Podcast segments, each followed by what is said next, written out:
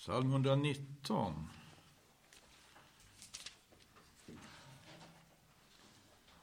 Och den 55 versen. Där står det på det här viset. Jag tänker om natten på ditt namn, Herre, och jag håller din lag. Den här versen gör bestämt intryck på mig. En hållning som jag tycker är verkligen värd att respektera. Jag tänker om natten, eller jag kommer om natten ihåg ditt namn, Herre. Jag håller din lag. Att Guds namn på detta sätt engagerar en människas inre värld. Så att i nattens timmar kommer han då, eller hon, att tänka på, erinra sig Guds namn. Det här med namn överhuvudtaget i Bibeln är någonting förundligt. Vi kan fundera lite grann på hur vi möter Guds namn. Hur vi möter Guds namn. Guds namn. Första mötet med Guds namn i den heliga skrift. Det kommer ganska tidigt. Det kommer ju redan i första versen i första Mosebok. Där det står så här. I begynnelsen skapade Gud himmel och jord. Men när Gud skapar och skapar människan så får människan inte per omgående till uppdrag liksom faktiskt att lära sig Guds namn. Det står om namn som redan har givits. Det står om namn som inte givits. Det får människan till uppdrag nämligen att ge namn åt djuren. Det kan vi läsa i andra kapitlet i samma första Mosebok. Det står så då från den artonde versen. Och Herren Gud. Nej men nu måste jag stanna upp lite här. Herren Gud. Herren Gud. Det är Guds namn. Men som det möter eh, i de här kapitlen. Första tidiga kapitlen i skriften. Vi kan bara titta lite grann på det innan vi går, går vidare här. Jag läste första versen. Det står i begynnelsen skapade Gud himlarna och jorden. Gud. Men här står det Herren Gud. Herren står med stora bokstäver. Herren Gud.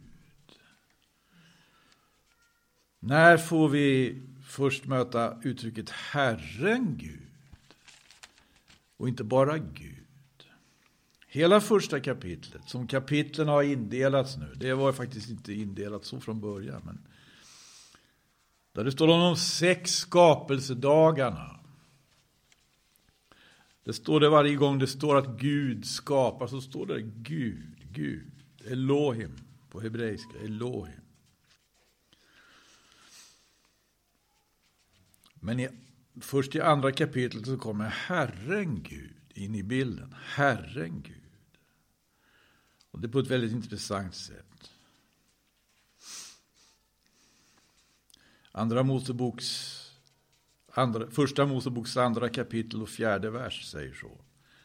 Detta är berättelsen om den ordning i vilken allt blev till på himmelen och jorden. Då det skapades, då när Herren Gud gjorde jord och himmel. Det är första gången som vi möter uttrycket Herren Gud. Och jag vet inte om ni har märkt det, men det är faktiskt så att det finns en, en väldig... Det går, just den här versen markerar någonting. Vers 4 i andra kapitlet i första Mosebok markerar någonting. Därför att egentligen så är hela skapelseverket fullbordat. Hela skapelseverket är fullbordat. Det står att Gud fullbordade på sjunde dagen kan vi läsa. I andra versen. Det verk som han hade gjort.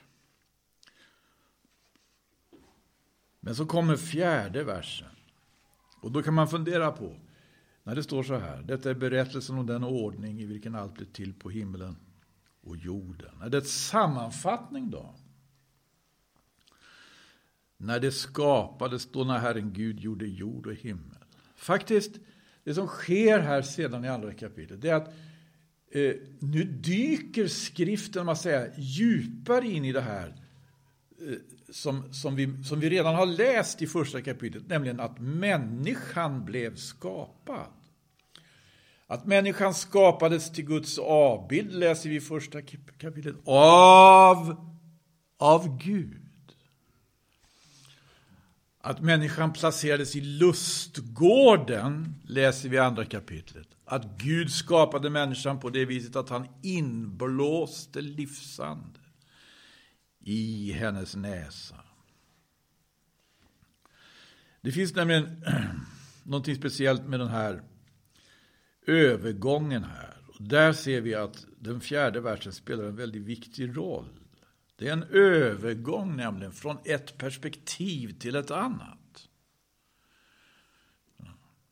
Och det här har till exempelvis historisk kritisk bibelforskning eh, eh, klassas som att det handlar om två olika författare. Man har slagit ihop två olika skapelseberättelser. Den ena kallar man Eloisten. Elo därför att Elohim används. Den andra kallar man Jehovisten. Därför att uttrycket Herren används. Eller Jehova. Eller det gudsnamn som betecknas med, med tre bokstäver. Tre bokstäver. Tre hebreiska skrift, skrivtecken av vilket ett upprepas och det blir fyra då på rad. JH, VH. Det är det som, det är det som i vår bibel 1917, jag tror övriga också, skrivs ut som Herren. Herren. Men människan fick i uppdrag att ge namn åt djuren, står det. Människan fick i uppdrag att ge namn åt djuren.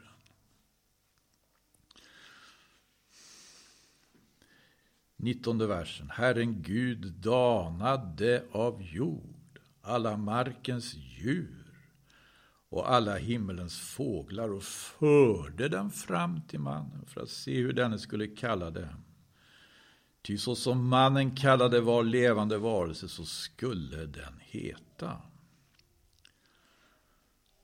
Mannen gav namn åt djuren. Och det här att ge namn, det, det, det handlar ju om att på sätt och vis talar ju det om att man har liksom mer att säga till om definitivt.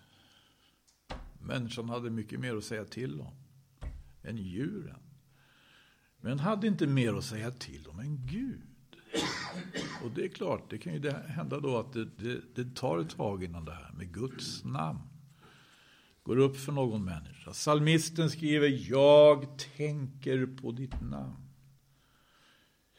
Jag kommer om natten ihåg ditt namn och jag håller din lag. En sån hållning. En sån. Mitt i natten.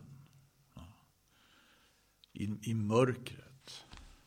I nattens timmar komma ihåg. Ens, att, att hennes inre är engagerad i det. I, i Guds namn. I Guds namn. Som inte ens Adam fick till uppdrag att uttala.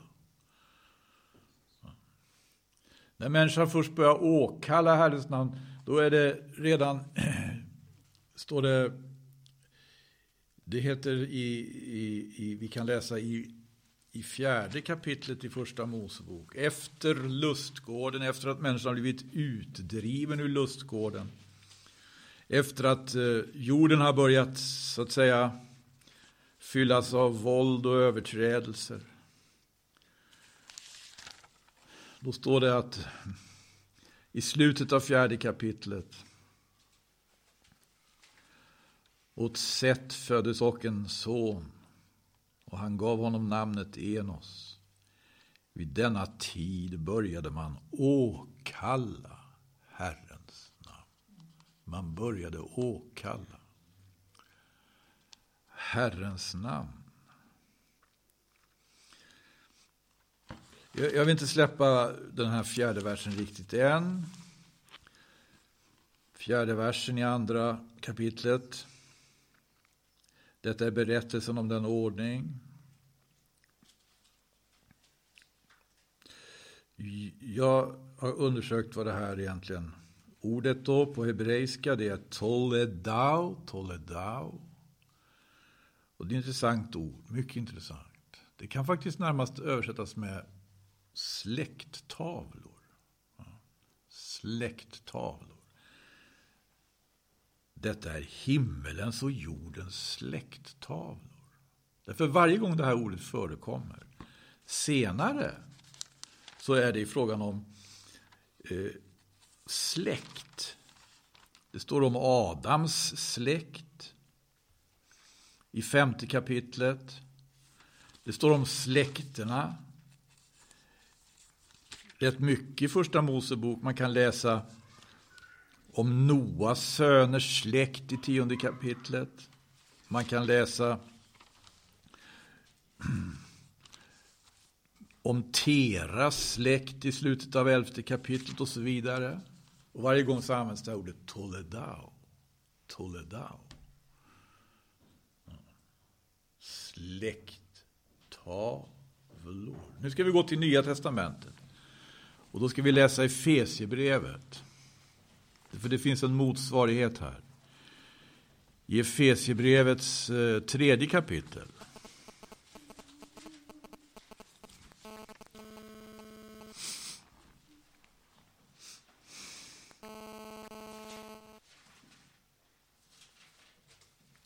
Efesierbrevets tredje kapitlet. Håll fingret där, därför att jag ska först läsa i Johannes evangeliet. Jesus talar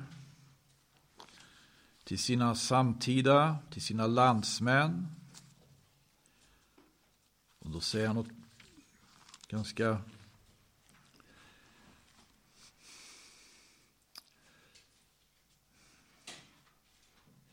Ja, han säger så här, det är 43 versen, Johannes evangeliets femte kapitel. Jag har kommit i min faders namn. Och ni tar icke emot mig. Kommer en annan i sitt eget namn, honom ska ni nog mottaga. Men här anger ju Jesus någonting av en enorm konflikt, en andlig strid tydligt och klart. Jag har kommit i min faders namn och ni tar icke emot mig. Kommer en annan i sitt eget namn. Honom ska ni nog mottaga. De som inte tog emot honom, de skriftlärde och fariséerna, där stod bland dem en, en man som hette Saulus men han omvände sig. Och därför så kan han skriva bland annat ett brev som Efesiebrevet. Då heter det så här i Efesierbrevets tredje kapitel, fjortonde vers. För den skull böjer jag mina knän för Fadern. Honom från vilken allt vad Fader heter i himmelen och på jorden har sitt namn. Och beder.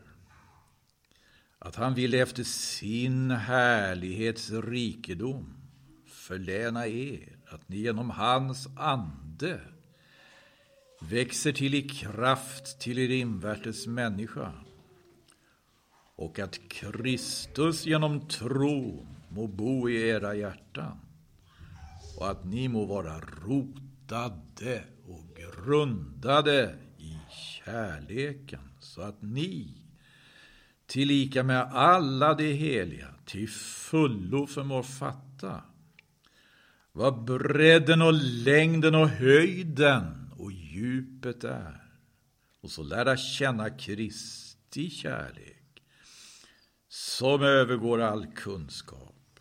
Till så ska ni bli helt uppfyllda av all Guds fullhet. Men honom som förmår göra mer Ja, långt mer än allt vad vi bedja eller tänka efter den kraft som är verksam i oss. Honom tillhör äran i församlingen och i Kristus Jesus alla släkten igenom i evigheternas evighet. Amen. Om någonting, tycker jag, om någonting påminner om det här sällsamma ordet i Första Moseboks andra kapitel. Toledao. Himmelens och jordens släkttal. Så är det just det här. Som aposteln skriver här i Efesierbrevet. Honom, från vilken allt vad fader heter i himlen och på jorden har sitt namn. Det ordet kan man finna ganska Intressant också om man jämför olika översättningar. På engelska heter det honom från vilken allt vår familj heter. I himlen på jorden har sitt namn. Luthers tyska säger honom från vilken allt vad barn heter. Men ordet här, faders, fader i femtonde versen, patria, det är egentligen faderskap. Faderskap. Faderskap som också kan beteckna fädernesland. Eller det som alltså tillhör en familj.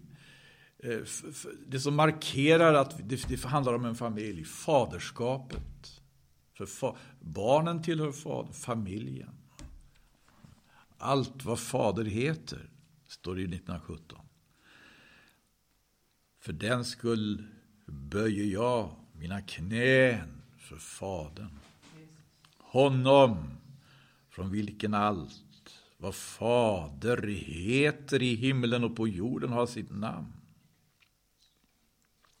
Himmelens och jordens släkttavlor. Längden och bredden och djupet och höjden. Skapelseverket har ju de här måtten.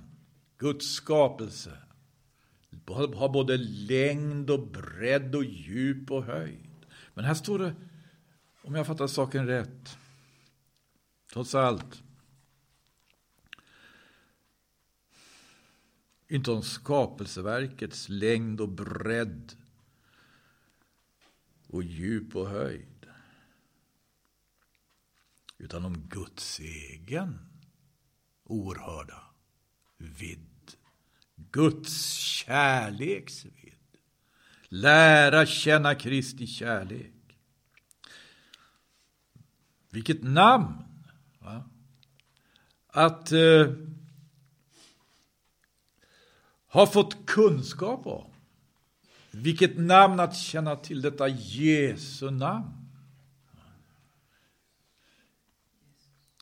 Att eh, genom vilket vi får åkalla, anropa honom gode Gud. Vi ska läsa också ifrån Filipperbrevet.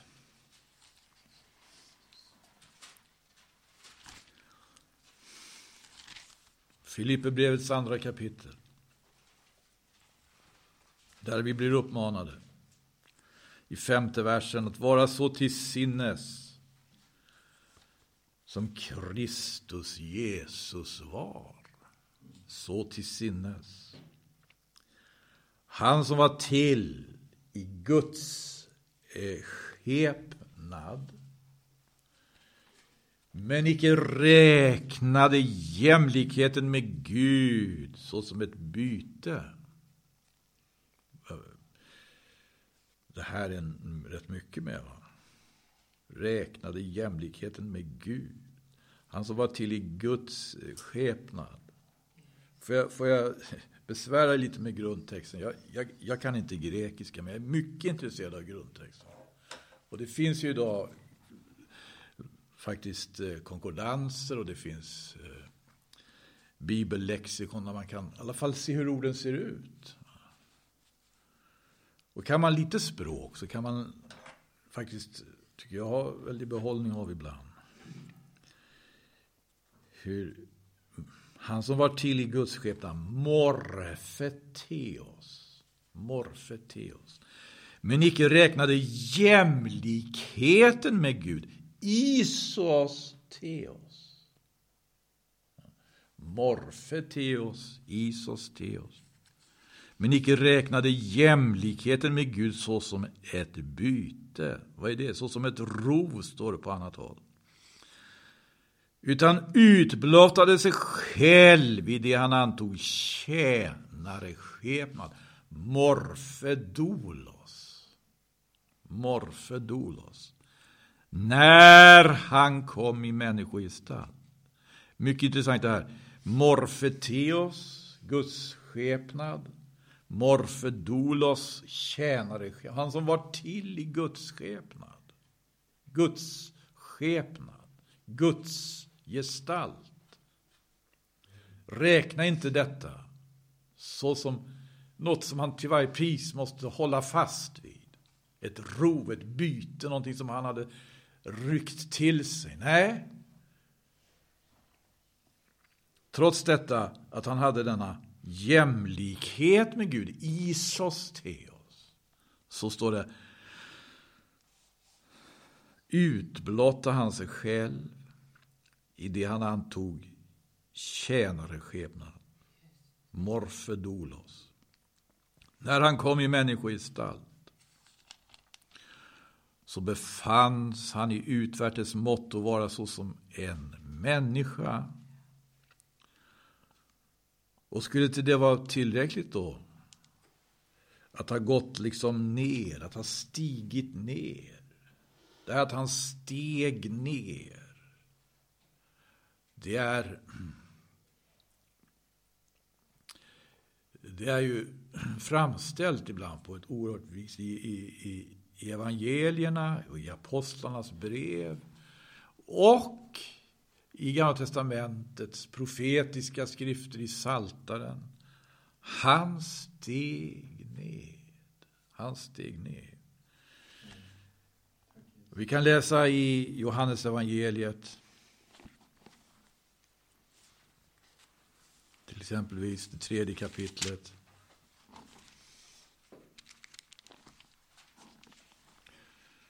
Är det Johannes döparen? Eller är det Jesus själv som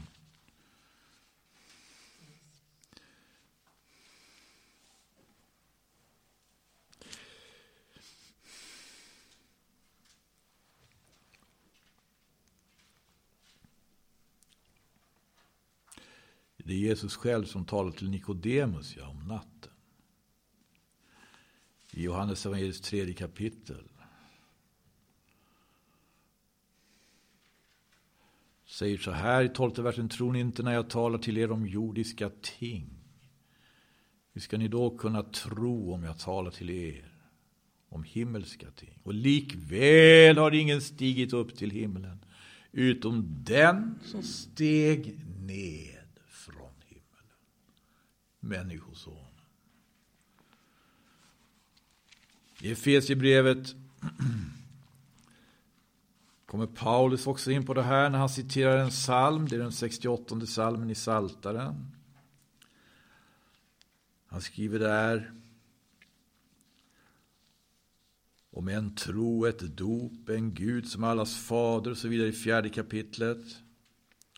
I sjunde versen skriver han Men Åt var och en särskild av oss blev nåden given. Allt eftersom Kristus tillmätte honom sin gåva. Därför heter det han for upp i höjden. Han tog fångar. Han gav människorna gåvor. Men detta ord han for upp, vad innebär det?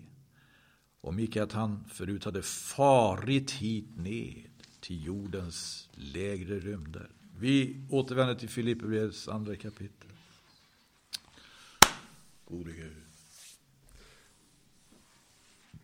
Där det står att vi ska vara så till sinne som Kristus Jesus var. Han som var till i Guds skepnad men icke räknade jämlikheten med Gud såsom ett byte. Utan utblottade sig själv i det han antog tjänareskepnad. När han kom i människogestalt så befanns han i utvärtes motto vara så som en människa och ödmjukade sig och blev lydig intill döden.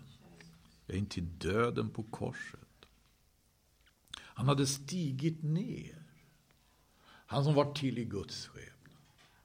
Han hade nu kommit i människogestalt. Och så som en människa ödmjuk. Varför skulle han behöva ödmjukas? När han ödmjukar sig även i det tillståndet och blev lydig in till döden.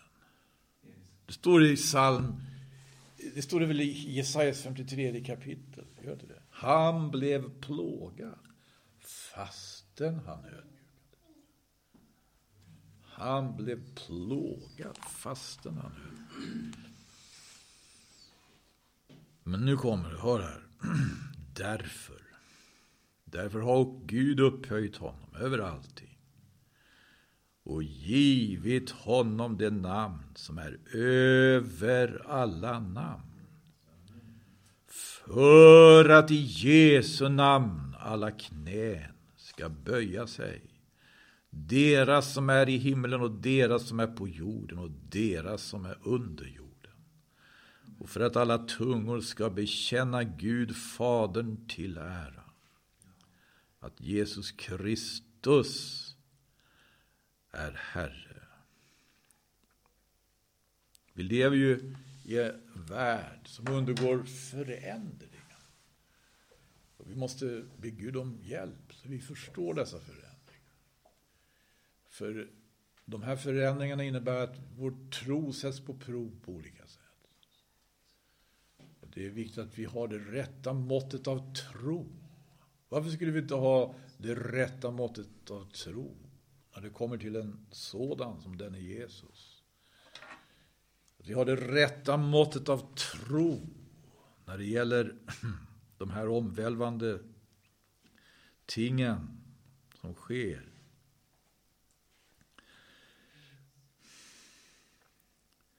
Gode Gud. Gud har upphöjt honom över allting, står det, och givit honom det namn som är över alla namn.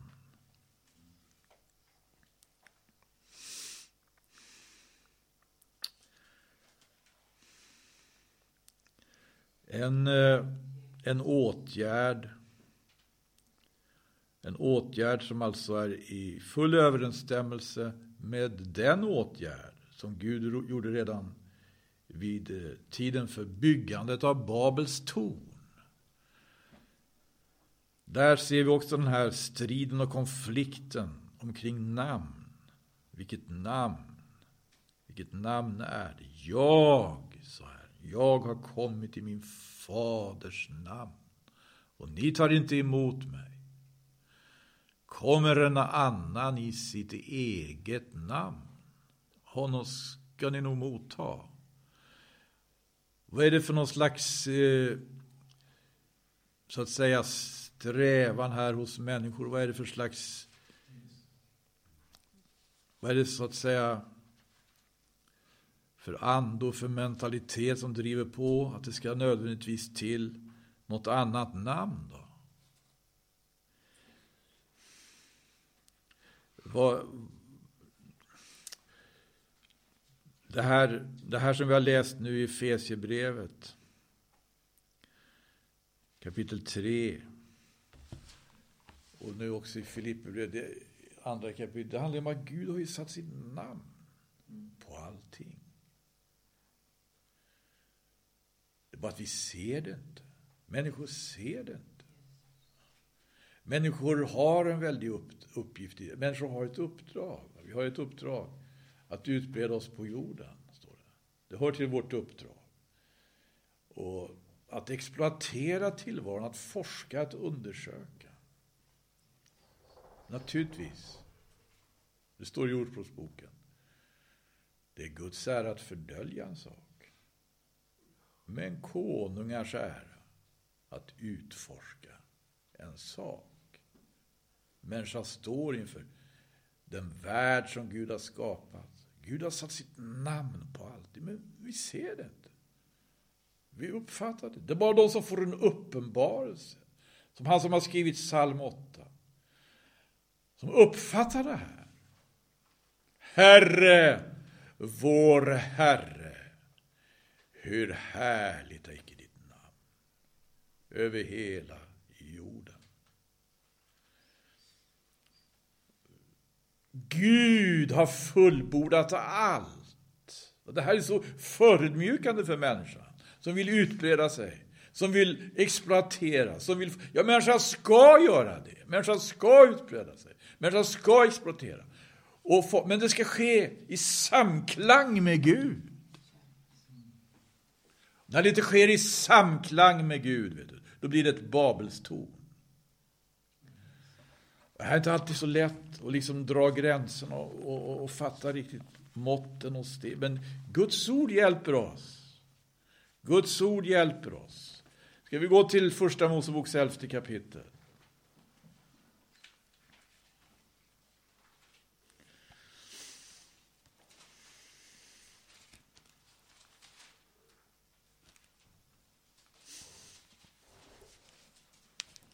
Första Moseboks elfte kapitel. Det är efter, efter urtiden, urtiden. Efter att människorna har blivit utdrivna ur lustgården, efter, efter syndafloden, då Noa byggde arken.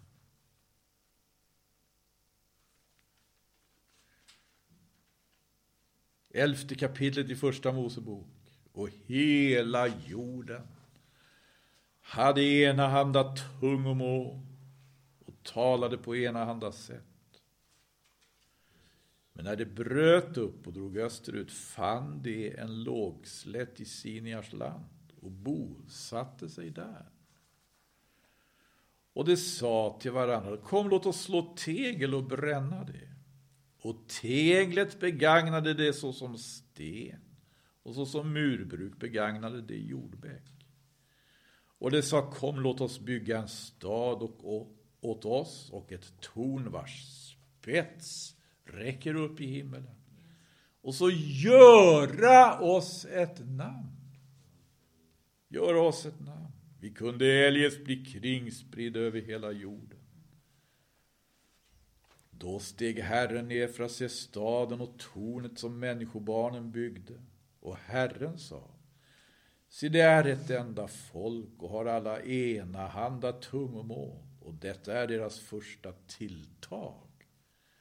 Härefter ska inget bli dem omöjligt vad den beslutar att göra. Eller härefter ska ingenting bli dem otillgängligt. Vad det än planerar att göra. Väl an, låt oss stiga dit ner och förbistra deras tungomål så att den ene icke förstår den andres tungomål.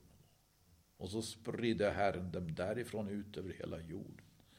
Så att de måste upphöra att bygga på staden en åtgärd, alltså som stäcker ett projekt. Så att det kommer inte till fullbordan. Varför då?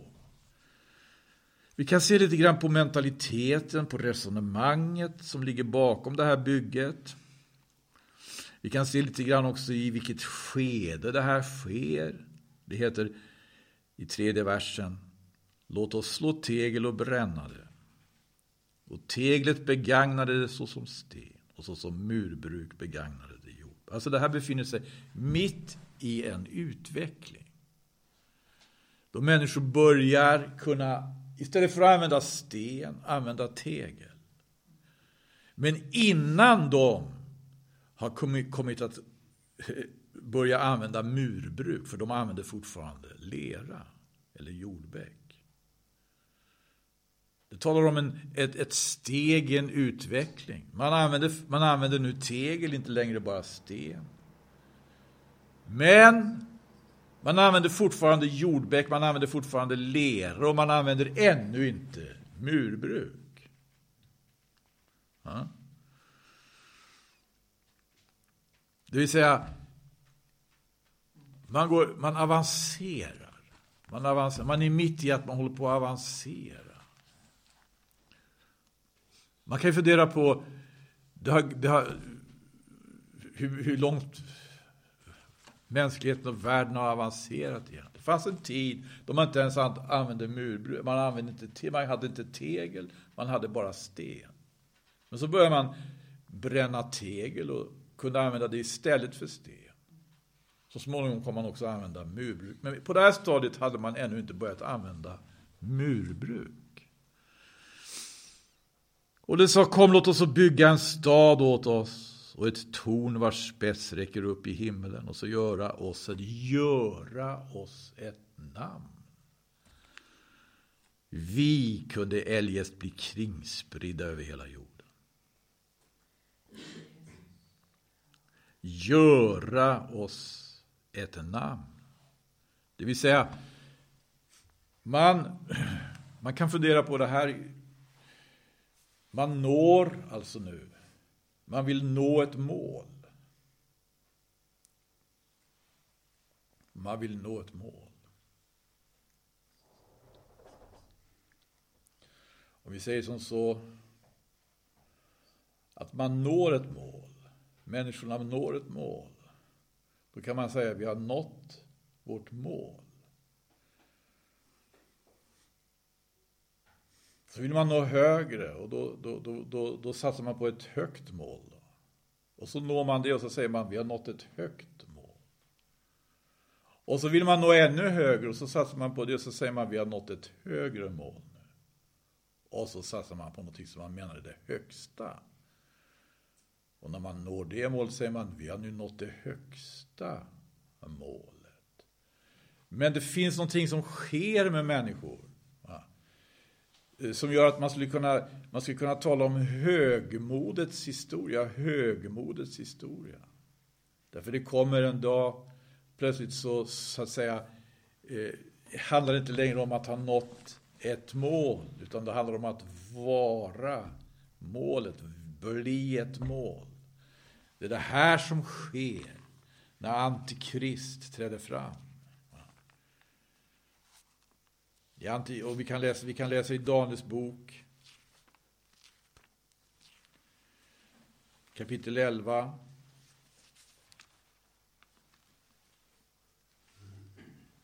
Här har vi någon som verkligen satsar på att komma någonstans. Men vad, vad handlar det om? En konung, en härskare i ändens tid. Danielsbokens elfte kapitel och vers 36. Det står så där. Konungen ska göra vad han vill och skall förhäva sig och uppträda stormodigt mot allt vad Gud heter. Ja, mot gudars Gud ska han tala sådant att man måste förundra sig och allt ska lyckas honom väl till dess att vredens tid är ute då när det har skett som är oryggligt beslutet. En förutsägelse i full överensstämmelse med vad aposteln Paulus varnar för i andra Thessalonikerbrevet. Förutsäger ett framträdande I Andra Thessalonikerbrevets andra kapitel.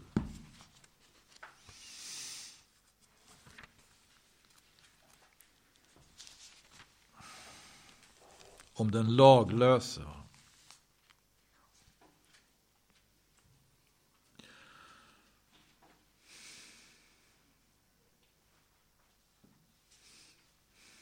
Vedersakaren, står det i fjärde versen där. Vedersakaren som upphäver sig över allt vad Gud heter och allt som kallas heligt. Så att han tar sitt säte i Guds tempel så som Gud och föregiver sig vara Gud.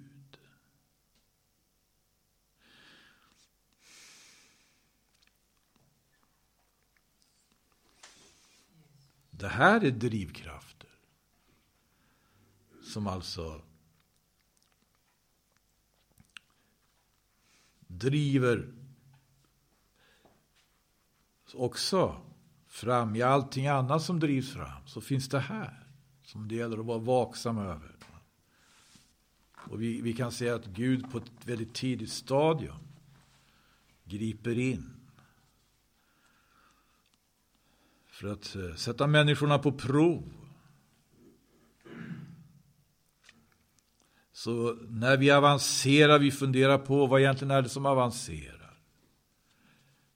När vi strävar efter att nå olika mål så funderar vi på också vad det faktiskt är för mål vi är ute efter.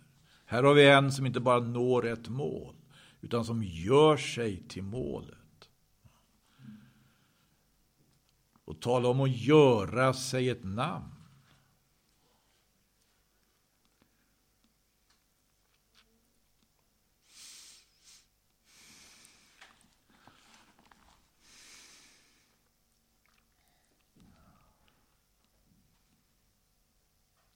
Men det här med Jesu namn. Det är att människan måste ju backa. Människan måste ödmjuka sig. Människan måste acceptera att det finns saker och ting vi inte kan nå. Det finns saker och ting vi inte kan fullborda. Det Gud har gjort, det har Gud gjort. Både när det kommer till skapelsen och när det kommer till försoningen. Det vi läser om i Filipperbrevets andra kapitel, det är ju det fullbordade verket. Det fullbordade verket som Jesus, Guds son, fullbordar på Golgata.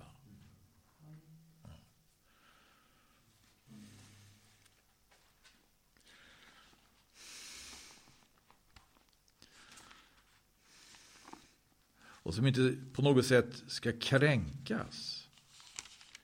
Som inte på något vis ska reduceras och som inte på något sätt heller kan komplettera. Att det är så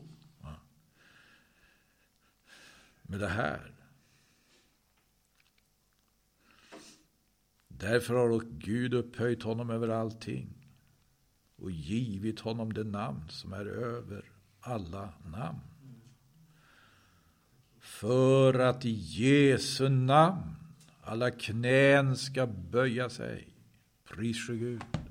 Finns det anledning att tänka på hans namn? Åkalla hans namn och låta hans namn engagera vår inre värld såväl dag som natt. Må Herren hjälpa oss. Ska vi stilla oss lite, tala med Herren.